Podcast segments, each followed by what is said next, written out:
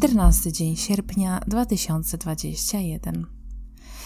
Jestem zmęczona, bezproduktywna. Nic mi się nie chce naprawdę, przynajmniej dziś. No i dobra, no. Lekka gorączka, nieumiejętność znalezienia sobie miejsca. No ale przecież tego nie przeskoczę, tak? Na detoksie niemal codziennie dopadają mnie ataki paniki. Nigdy czegoś takiego nie przeżywałam. Zatyka mnie w piersiach i odczuwam ból w klatce.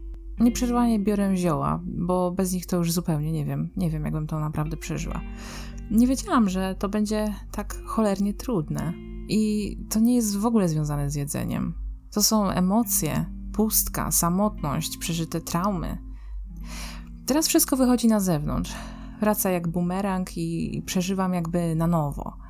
Ale już nie tam, w sensie ja fizycznie, tylko jakby moje ciało, pamięć komórkowa.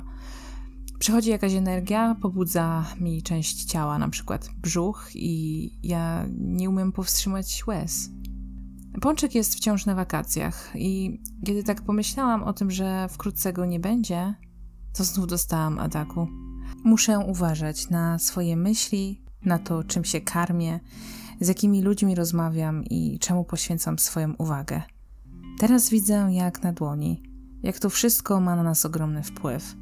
I dzięki temu odczuwam większy szacunek do siebie poprzez tą troskę. A to uczy miłości.